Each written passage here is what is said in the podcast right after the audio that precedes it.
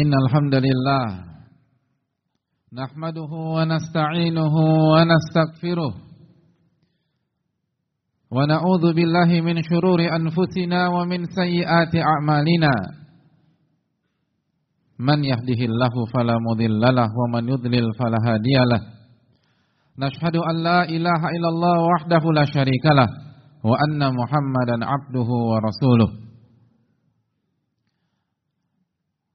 Allahumma salli wa sallim wa barik wa an'im ala nabiyyina Muhammadin wa ala alihi wa sahbi ajma'in. Ma'asyiral muslimin yang semoga Allah muliakan. Marilah kita memulai khutbah singkat ini dengan bersyukur kepada Allah Subhanahu wa taala atas nikmat yang Allah berikan kepada kita. Nikmat yang tidak mungkin bisa kita hitung. Wa in ta'uddu nikmatallahi la tuhsuha. Dan jika kalian ingin menghitung-hitung nikmat Allah, maka kalian tidak akan mampu bisa menghitungnya. Dan di antara nikmat besar Allah Subhanahu wa taala pada saat ini pada hari ini, pada siang hari ini adalah hidayah dan taufik yang Allah berikan kepada kita, kita sehingga kaki ini bisa melangkah, hati ini bisa bergerak menyambut seruan Allah Subhanahu wa taala mengerjakan salat Jumat yang merupakan salah satu syiar Islam yang lebih baik daripada bisnis yang kita kerjakan, uang yang kita cari, kerjaan-kerjaan dunia yang kita perjuangkan pada hari ini Dzalikum khairul lakum in kuntum ta'lamun. Salat Jumat kalian itu lebih baik kata Allah dibanding segala aktivitas duniawi kalian di waktu yang sama. Tapi dengan syarat jika kalian mengerti dan memahaminya. Oleh karena itu, ma'asyiral muslimin yang Allah muliakan, marilah kita bersyukur ketika Allah memberikan hidayah kepada kita sehingga kita menjadi hambanya yang mengerjakan salat Jumat pada hari ini. Ma'asyiral muslimin yang Allah muliakan. Sebagaimana marilah kita memperbaiki ketakwaan kita kepada Allah. Ittaqullaha haqqa tuqatih wa la tamutunna illa wa antum muslimun. Bertakwalah kepada Allah dengan sebenar-benarnya takwa. Dan janganlah kalian wafat kecuali sebagai seorang muslim kecuali dalam kondisi beriman kepada Allah Subhanahu wa taala. Ittaqullah wa qulu qawlan sadida. Bertakwalah kepada Allah dan berbicaralah dengan bahasa yang benar. Yuslih lakum a'malakum. Maka Allah akan perbaiki amal ibadah kalian. Allah akan perbaiki urusan-urusan kalian dan Allah akan ampuni dosa-dosa kalian. Wa yaghfir lakum dzunubakum. Allah akan ampuni dosa-dosa kalian. Wa may yuti'illah wa rasulahu faqad faza fawzan 'azima. Dan barang siapa yang taat kepada Allah dan Rasulnya, maka ia telah memenangkan kehidupannya dengan kemenangan yang besar. Ma'asyiral muslimin, yang semoga Allah muliakan sebagaimana salawat beriring salam semoga senantiasa tercurahkan kepada Rasul kita Nabi kita Muhammadin sallallahu alaihi wasallam beserta para keluarga, para sahabat dan orang-orang yang istiqomah berjalan di bawah naungan sunnah beliau sampai hari kiamat kelak. Hadirin Allah muliakan. Setiap orang dan setiap manusia yang diciptakan oleh Allah Jalla wa'ala diciptakan dengan tujuan diciptakan untuk sebuah misi. Itu keyakinan orang-orang beriman. Sebagaimana yang Allah firmankan tentang orang-orang beriman, mereka mengatakan dalam surat Ali Imran, Rabbana ma khalaqta hadza batila. Rabbana, wahai Rabb kami, Engkau tidak mungkin menciptakan sesuatu tanpa ada alasan, tanpa ada alasan, tanpa hikmah, tanpa ada pelajaran. Engkau tidak mungkin menciptakan sesuatu sia-sia. Semua yang Allah ciptakan pasti ada tujuan. Semua yang Allah ciptakan pasti berjalan dengan kemaha bijaksanaan Allah tabaraka wa taala. Alaihissallahu bi'ahkamil hakimin. Bukankah Allah pemutus yang paling bijak? Kalau hal-hal simpel ada tujuan, mungkinkah kita diciptakan dan kita dilahirkan tanpa ada tujuan, ma'asyiral muslimin? Dan Allah berfirman tentang tujuan kehidupan kita dalam surat Az-Zariyat ayat 56. Wa ma khalaqtul jinna wal insa illa liya'budun. Dan tidaklah kuciptakan jin dan manusia kecuali untuk beribadah kepadaku. Tidaklah kuciptakan jin dan manusia kecuali untuk menghamba kepadaku. Untuk merendahkan dirinya dan mencintaiku dengan sepenuh hatinya. Itulah tujuan mengapa kita ada di dunia yang fana ini. Mengapa kita bisa beraktivitas Mengapa kita bisa mengerjakan dan bisa berbuat setiap harinya? Wa ma khalaqtul jinna wal insa illa liya'budun. Tidaklah kuciptakan jin dan manusia kecuali untuk beribadah kepada diriku, menghamba kepada diriku. Bukan hanya sekedar menjalankan aktivitas tanpa ada makna atau rutinitas kita atau bukan hanya tenggelam dalam urusan-urusan dunia kita. Dan ma'asyiral muslimin yang Allah muliakan. Setelah Allah menjelaskan tujuan hidup kita, Allah memberikan sebuah fakta yang penting yang harus kita camkan dan menjadi sebuah pemahaman yang utuh. Setelah Allah mengatakan wa ma khalaqtul jinna wal insa illa liya'budun, tidaklah kuciptakan jin dan manusia kecuali untuk beribadah kepada diriku. Allah lanjutkan dengan firman-Nya, Ma uridu minhum min rizkin wa ma uridu an yut'imun. Ma uridu minhum min rizkin Aku tidak menginginkan rizki dari mereka. Wa ma uridu an yut'imun.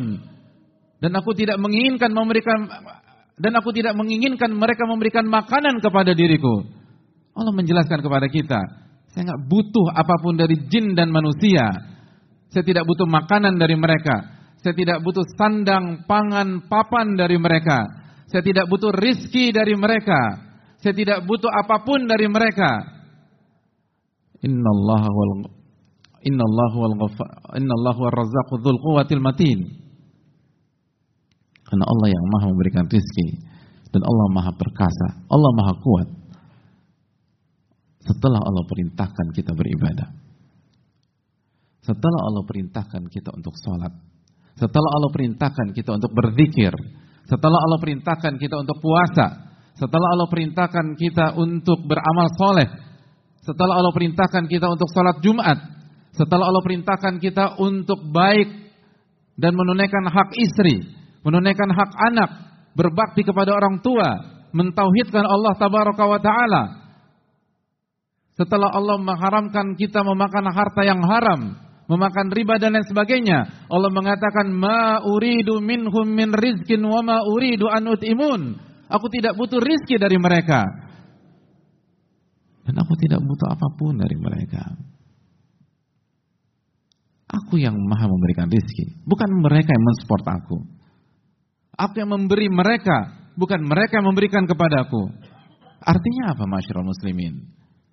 Allah nggak butuh dengan amal ibadah kita. Allah nggak butuh dengan sujud kita. Allah nggak butuh dengan sholat Jumat kita. Allah tidak butuh dengan puasa kita. Allah tidak butuh dengan zikir pagi dan petang kita. Allah tidak butuh ketika kita hanya membatasi diri dengan hal yang halal dan tidak memakan hal-hal yang haram. Allah tidak butuh ketika kita setia dengan pasangan atau dengan rumah tangga kita. Allah tidak butuh ketika kita tidak selingkuh. Allah tidak butuh ketika kita berkata baik atau benar. Allah tidak butuh ketika kita tidak mencaci maki orang. Karena apabila kita melakukan seluruh perintah-perintah Allah, itu untuk diri kita. Kita yang butuh, bukan Allah yang butuh. Allah berfirman dalam surat Al-Isra ayat 7, "In ahsantum ahsantum li anfusikum." Jika kalian berbuat baik, itu untuk diri kalian sendiri. Jika kalian berbuat baik, maka feedbacknya akan kembali kepada kalian. Jika kalian sholat, maka kalian akan diuntungkan. Jika kalian berpuasa, kalian akan diuntungkan. Kalau kalian sholat Jumat, kalian akan diuntungkan. Apabila kalian berinfak dan bersedekah dan berzakat, kalian akan diuntungkan. Jika kalian baik dengan istri, kalian akan diuntungkan. Jika kalian mendidik anak kalian menjadi anak yang soleh, kalian akan diuntungkan. Jika kalian berbakti kepada orang tua, kalian akan diuntungkan. In ahsantum ahsantum li anfusikum. Jika kalian berbuat baik, itu akan kembali kepada kalian. Wa in asatum falaha. Dan sebaliknya, apabila kalian bermaksiat, kalian berbuat buruk, kalian melakukan dosa, kalian melakukan hal yang mungkar, maka kalian yang akan mendapatkan feedback buruk dan mendapatkan masalah dalam kehidupan kalian. Wa in asatum falaha. Kalian akan sengsara dalam hidup. Kalian akan bermasalah. Kalian akan hancur. Kalian akan tersiksa. Allah berfirman di awal surat Toha, Toha ma anzalna alaikal qur'ana litashqa. Toha, ma anzalna alaikal qur'ana litashqa. Kami tidak menurunkan Al-Quran kepada anda untuk menyusahkan anda, untuk membuat ribet anda, untuk membuat anda membuat anda ribet dan menjadi masalah. Tidak ada maksud ke sana kata Allah. Ini untuk anda. Adapun Allah, Allah As-Samad. Ayat yang kita baca setiap hari. Kul huwallahu ahad. Allahu samad. Apa arti as-samad ma'asyiral muslimin? As-samad yang tidak butuh dengan siapa pun, tapi di waktu yang sama, di detik yang sama, seluruh makhluk butuh kepadanya subhanahu wa ta'ala. Masyarakat muslimin yang Allah muliakan. Makanya konsep Allah kepada kita, la ikraha. Tidak ada paksaan dalam agama. Kau usah dipaksa. Faman sya'a falyu'min wa man sya'a falyakfur. Yang mau beriman silakan beriman kata Allah. Dan kalau mau kufur, mau maksiat, silakan dia kufur. Tidak ada berdampak sama sekali. Ini bukan tentang bagaimana mensupport Allah. Allah nggak diuntungkan dengan sujudnya kita. Allah tidak diuntungkan dengan baiknya kita. Allah tidak diuntungkan dengan kesolehan kita. Kalau anda putuskan siang ini anda tidak sholat Jumat, silahkan kata Allah, nggak ada masalah. Gak ada masalah. Saya nggak butuh apa pun dari mereka. Mereka yang butuh kepada aku. Mereka yang butuh kepada aku, kata Allah Taala. Masyarul muslimin yang Allah muliakan. In ahsantum, ahsantum li anfusikum. Kalau kalian berbuat baik, kalian akan panen kebaikan tersebut. Wa in asatum falaha. Dan kalau kalian berbuat buruk, berbuat dosa, maka kalian akan sengsara dalam kehidupan kalian. Masyarul muslimin yang Allah muliakan. Bukankah kita yang akan mati? Bukankah kita yang akan menghadapi sakratul maut? Bukankah suatu hari nanti kita akan terengah-engah hanya untuk sekedar bernafas dengan nyaman? Bukankah suatu saat ada waktunya nyawa itu berada di kerongkongan? Bukankah ada satu saat di mana kita meregang dan meninggalkan dunia yang fana ini lalu berhadapan dengan mungkar dan nakir, berhadapan dengan dua malaikat yang bertanya tentang performa kita pada saat kita hidup di dunia. Bukankah Allah yang maha hidup dan kita akan mati? Bukankah Allah akan kekal dan kita yang fana? Bukankah kita akan dibangkitkan pada hari kiamat kelak? Bukankah Allah bangkitkan kita dan kita akan dibangkitkan dalam kondisi yang sangat menyedihkan, yang sangat memprihatinkan, Ketika Nabi kita SAW bersabda, Yuhsyarun nasu yawmal qiyamati hufatan uratan gurlan buhma. Manusia akan dibangkitkan pada hari kiamat. Dalam kondisi tidak pakai alas kaki. Telanjang bulat. Tanpa dikhitan. Dan tidak bawa bekal apa pun juga. Tanpa memakai alas kaki. Apa masalahnya tidak pakai alas kaki? Ya, tidak masalah hadirin. Kalau kita bicara detik ini di masjid yang ber AC ini. Tapi pada hari kiamat, ketika matahari satu mil di atas kita, maka jadi masalah besar. Matahari satu mil di atas kita, masyarakat muslimin. Bukan Allah yang menghadapi proses hari kiamat. Kita yang akan mengalami itu. Maka marilah tawadu. Marilah merendah kepada Allah Subhanahu wa taala. Orang-orang yang jauh lebih sombong kepada kita mati semua di masa yang lalu hadirin. Mana kepongahan? Mana arogansi Fir'aun? Mana kepongahan Namrud? Mana kesombongan dari Korun? Ke mana mereka semua? Mari ambil pelajaran. Kita akan dibangkitkan oleh Allah. Kita akan diancam dibutakan pada hari kiamat. Allah berfirman dalam surat Toha ayat 124, "Wa man a'rada an dzikri fa inna lahu ma'isyatan dhanka wa nahsyuruhu yaumal qiyamati a'ma."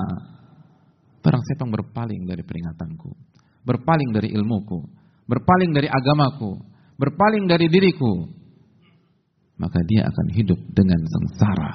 Dia akan hidup dengan kehidupan yang sangat sempit di dunia. Dia akan sengsara. Bukan Allah yang sengsara hadirin. Orang yang berpaling dari ibadah, orang yang berpaling dari amal soleh, orang yang berpaling dari ilmu Allah, orang berpaling dari Al-Quran. Fa innalahu ma'isyatan donka. Dia yang akan hidup dengan penuh kesengsaraan. Bukan Allah yang sengsara. Tapi itu terserah kita, silakan mencoba. Tapi kita bukan manusia pertama kali hidup di dunia. Orang yang cerdas. As-sa'id man wu'idhu bi ghairihi Orang yang cerdas itu, orang yang bahagia. Dia mengambil pelajaran dari orang lain. Sebelum kita durhaka sama Allah, pelajari bagaimana kehidupan orang-orang durhaka sebelum kita. Mana yang bahagia? Mana yang tenang? Tapi casingnya tenang banyak. Tapi bukankah dunia itu sandiwara? Bukankah sebagaimana ketika kita punya masalah dengan istri kita, lalu ketemu teman kita di kantor kita, lalu teman kita bertanya kepada kita bagaimana kabar keluarga Anda, kita akan bilang baik-baik saja. Bukankah itu sandiwara? Maka bukankah mereka juga melakukan hal yang sama? Adapun kenyataan. Waman a'radu an dzikri fa inna lahu ma'isyatan dhanka. Barang siapa berpaling dari peringatan Allah, maka dia akan hidup dengan kesengsaraan. Wa nahsyuruhu yaumal qiyamati a'ma dan pada hari kiamat dia akan dibangkitkan dan dia akan dikumpulkan dalam kondisi buta, buta hadirin. Allah yang berfirman, dia akan dibangkitkan dalam kondisi buta apabila ada seseorang yang menyuruh kita sholat, lalu dia mengancam, kalau anda nggak sholat zuhur, kalau anda nggak sholat jumat, saya akan butakan mata anda. Kira-kira dia akan sholat apa tidak? Sedangkan dia tahu yang mengancam ini pihak yang sangat kuat dan dia tidak bisa lari dari pihak ini. Pihak ini mengatakan kalau anda nggak sholat saya akan butakan anda. Kita akan sholat. Karena kita takut dibutakan. Dibutakan di mana hadirin? Di dunia. Padahal bisa jadi hari ini kita, hari ini orang itu dibutakan, besoknya dia meninggal dunia. Jadi dia hanya buta satu hari aja. Dan dia nggak mau ambil resiko. Sedangkan Allah berfirman dalam surat Toha 124, barang siapa yang berpaling dari agama Allah di hari kiamat. Hari kiamat, bukan di dunia. Bukan satu dua tahun. Bukan sepuluh dua puluh tahun. Hari kiamat ma'asyurah muslimin. Wa nahsyuruhu yawmal kiamati a'ma. Dan kami akan bangkitkan dia dalam kondisi buta. Kita yang diancam. Kita yang terancam. Kita harus melewati seluruh proses panjang itu. Bukan Allah. Wa ma khalaqtul jinna wal insa illa liya'budun. Tidaklah aku ciptakan jin dan manusia kecuali untuk beribadah kepada diriku. Ma uridu minhum min rizkin wa ma uridu an yut'imun. Aku nggak butuh apa pun dari mereka. Aku nggak butuh rizki dari mereka. Aku nggak butuh support dari mereka. Aku nggak butuh dukungan dari manusia. Inna Allah wa razzaqu matin. Karena yang memberikan rizki adalah Allah ta'ala maka tanamkan rasa butuh kepada Allah Jalla wa ala. Aku lakukan hadza wa astaghfirullah li wa lakum.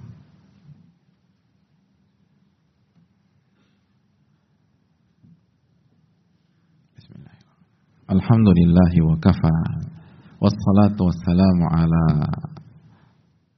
Rasulihil Mustafa wa ba'd Hadirin Allah muliakan maka marilah kita bertakwa kepada Allah. Bertakwa bukan karena ini kewajiban, tapi ini kebutuhan. Datanglah ke salat Jumat dengan perasaan saya butuh terhadap salat Jumat. Ketika azan dikumandangkan pada waktu asar nanti, salatlah asar dengan merasa saya butuh terhadap ibadah kepada Allah. Ketika maghrib datang, salatlah maghrib dalam perasaan butuh kepada Allah butuh dalam beribadah kepada Allah Subhanahu wa taala. Bukan Allah yang butuh kita. Gak ada masalah sama sekali. Gak ada yang masalah sama kita yang terancam, kita yang lemah, kita yang ringkih dan kita yang akan wafat. Ma'asyiral muslimin yang Allah muliakan. Bahkan Allah berfirman dalam hadits qudsi menjelaskan tentang ketidakbutuhan Allah Subhanahu wa taala. Dan apa yang kita lakukan tidak ada pengaruhnya sama Allah sama sekali. Ini murni untuk kebutuhan kita. Ini murni untuk kebaikan kita. Dan ibadah itu murni untuk kebaikan kita. Allah berfirman, memanggil kita. Memanggil hadirin sekalian. Allah berfirman, Ya ibadi, wahai hamba-hambaku. Hadirin dipanggil oleh Allah SWT. Ya ibadi, wahai hamba-hambaku. Lalu apa kata Allah? Lau anna awwalakum wa akhirakum wa insakum wa jinnakum kanu ala atqa qalbi rajulin wahidin minkum ma zada dhalika fi mulki syai'a. Ya ibadi wahai hamba-hambaku lau anna awwalakum wa akhirakum wa insakum wa jinnakum apabila mulai dari orang pertama di antara kalian sampai orang terakhir di antara kalian, baik dari bangsa manusia maupun bangsa jin, manusia dan jin yang pertama sampai manusia dan jin yang terakhir dikumpulkan dan berada dan dilihat dan dicek. Dan semuanya kanu ala kanu ala atqa qalbi rajulin wahidin minkum. Semuanya berada dengan kualitas orang yang paling bertakwa di antara kalian. Semua orang. Tidak ada yang bermaksiat. Semua orang tidak ada yang fasik, semua orang tidak ada yang bermaksiat, tidak ada yang melakukan dosa, semuanya bertakwa dengan takwa terbaik yang pernah ada dalam bangsa manusia dan jin. Apabila kita semua bertakwa sebagaimana Rasulullah SAW bertakwa, beliau adalah manusia yang paling bertakwa kepada Allah Subhanahu Wa Taala. Semua kita bertakwa sebagaimana Rasulullah bertakwa, bukan teman kita, bukan sahabat kita, bukan guru kita, tapi manusia terbaik atau makhluk terbaik dari bangsa manusia dan jin. Semua seperti itu dengan level yang sama. Apa kata Allah Subhanahu wa taala? Mazada dzalika fi mulki syai'a. Itu tidak menambah kekuasaanku sama sekali. Enggak menambah. Jangankan Anda yang beribadah, Anda dan teman-teman Anda dan keluarga Anda dan satu RT Anda, satu RW Anda, satu kelurahan, satu negeri, satu negara, satu benua. Belum cukup, belum cukup. Dari manusia pertama sampai manusia terakhir, jin yang pertama sampai jin yang terakhir, semuanya dengan kualitas ketakwaan yang terbaik. Gak ada gunanya bagi aku kata Allah Subhanahu wa taala. Gak ada masalah. Gak membuat aku semakin kuat. Karena Allah Al-Qawi tidak membuat Allah Subhanahu wa taala semakin sempurna. Tidak membuat Allah Subhanahu wa taala semakin baik. Dan sebaliknya masyarakat muslimin. Law anna awwalakum wa akhirakum wa insakum wa jinnakum kanu ala afjari qalbi rajulin wahidin minkum ma naqasa dzalika min mulki syai'a. Wahai hamba-hambaku, apabila manusia yang paling awal sampai manusia yang paling terakhir, jin yang paling awal sampai jin yang paling terakhir, semuanya dengan kualitas kefasikan yang paling parah di antara kalian, kefasikan, kefajiran yang paling parah, stadium yang paling memilukan, stadium yang paling berat. Kata Allah Subhanahu wa taala, itu sama sekali tidak mengurangi kekuasaanku sedikit pun juga. Allahu akbar. Tak mengurangi. Jangan karena satu kalian yang murtad, semua manusia murtad, enggak ada masalah kata Allah. Jangan satu orang nggak sholat Jumat, semua manusia nggak sholat Jumat, enggak ada masalah. Enggak ada sholat Jumat di Jakarta, enggak ada masalah kata Allah Subhanahu wa taala. Itu untuk kebutuhan kalian, itu untuk kepentingan kalian. Kalian akan wafat, kalian akan ditanya, kalian akan berhadapan dengan semua pernak-pernik di dalam kubur dan kalian akan dibangkitkan. Kalian akan berjalan di atas sirat. Ini tentang kita hadirin. Ini tentang kebutuhan kita. Fa'tabiru ya ulil albab. Marilah mengambil pelajaran, wahai orang-orang yang memiliki akal sehat. Dan saya yakin jamaah adalah orang-orang yang memiliki akal sehat. Orang-orang yang punya kebaikan dan punya potensi yang sangat besar untuk isi koma di atas kebaikan. Oleh karena itu, ingatlah selalu, ini bukan tentang kepentingan Allah untuk mensupport Allah. Ini tentang kebutuhan kita. Ibadah itu kita butuhkan untuk dunia dan akhirat kita. Inna Allah wa malaikatahu yusalluna ala nabi. Ya ayuhalladzina amanu sallu alaihi wa sallimu taslima. Allahumma salli ala Muhammad wa ala ali Muhammad. Kama sallaita ala Ibrahim wa ala ali Ibrahim. Innaka hamidun majid.